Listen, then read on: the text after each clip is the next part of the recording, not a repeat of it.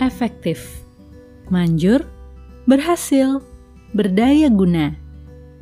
Efektif juga bicara tentang waktu. Tidak mengambil waktu yang banyak untuk suatu hal yang dikerjakan ketimbang dengan menggunakan cara yang lain.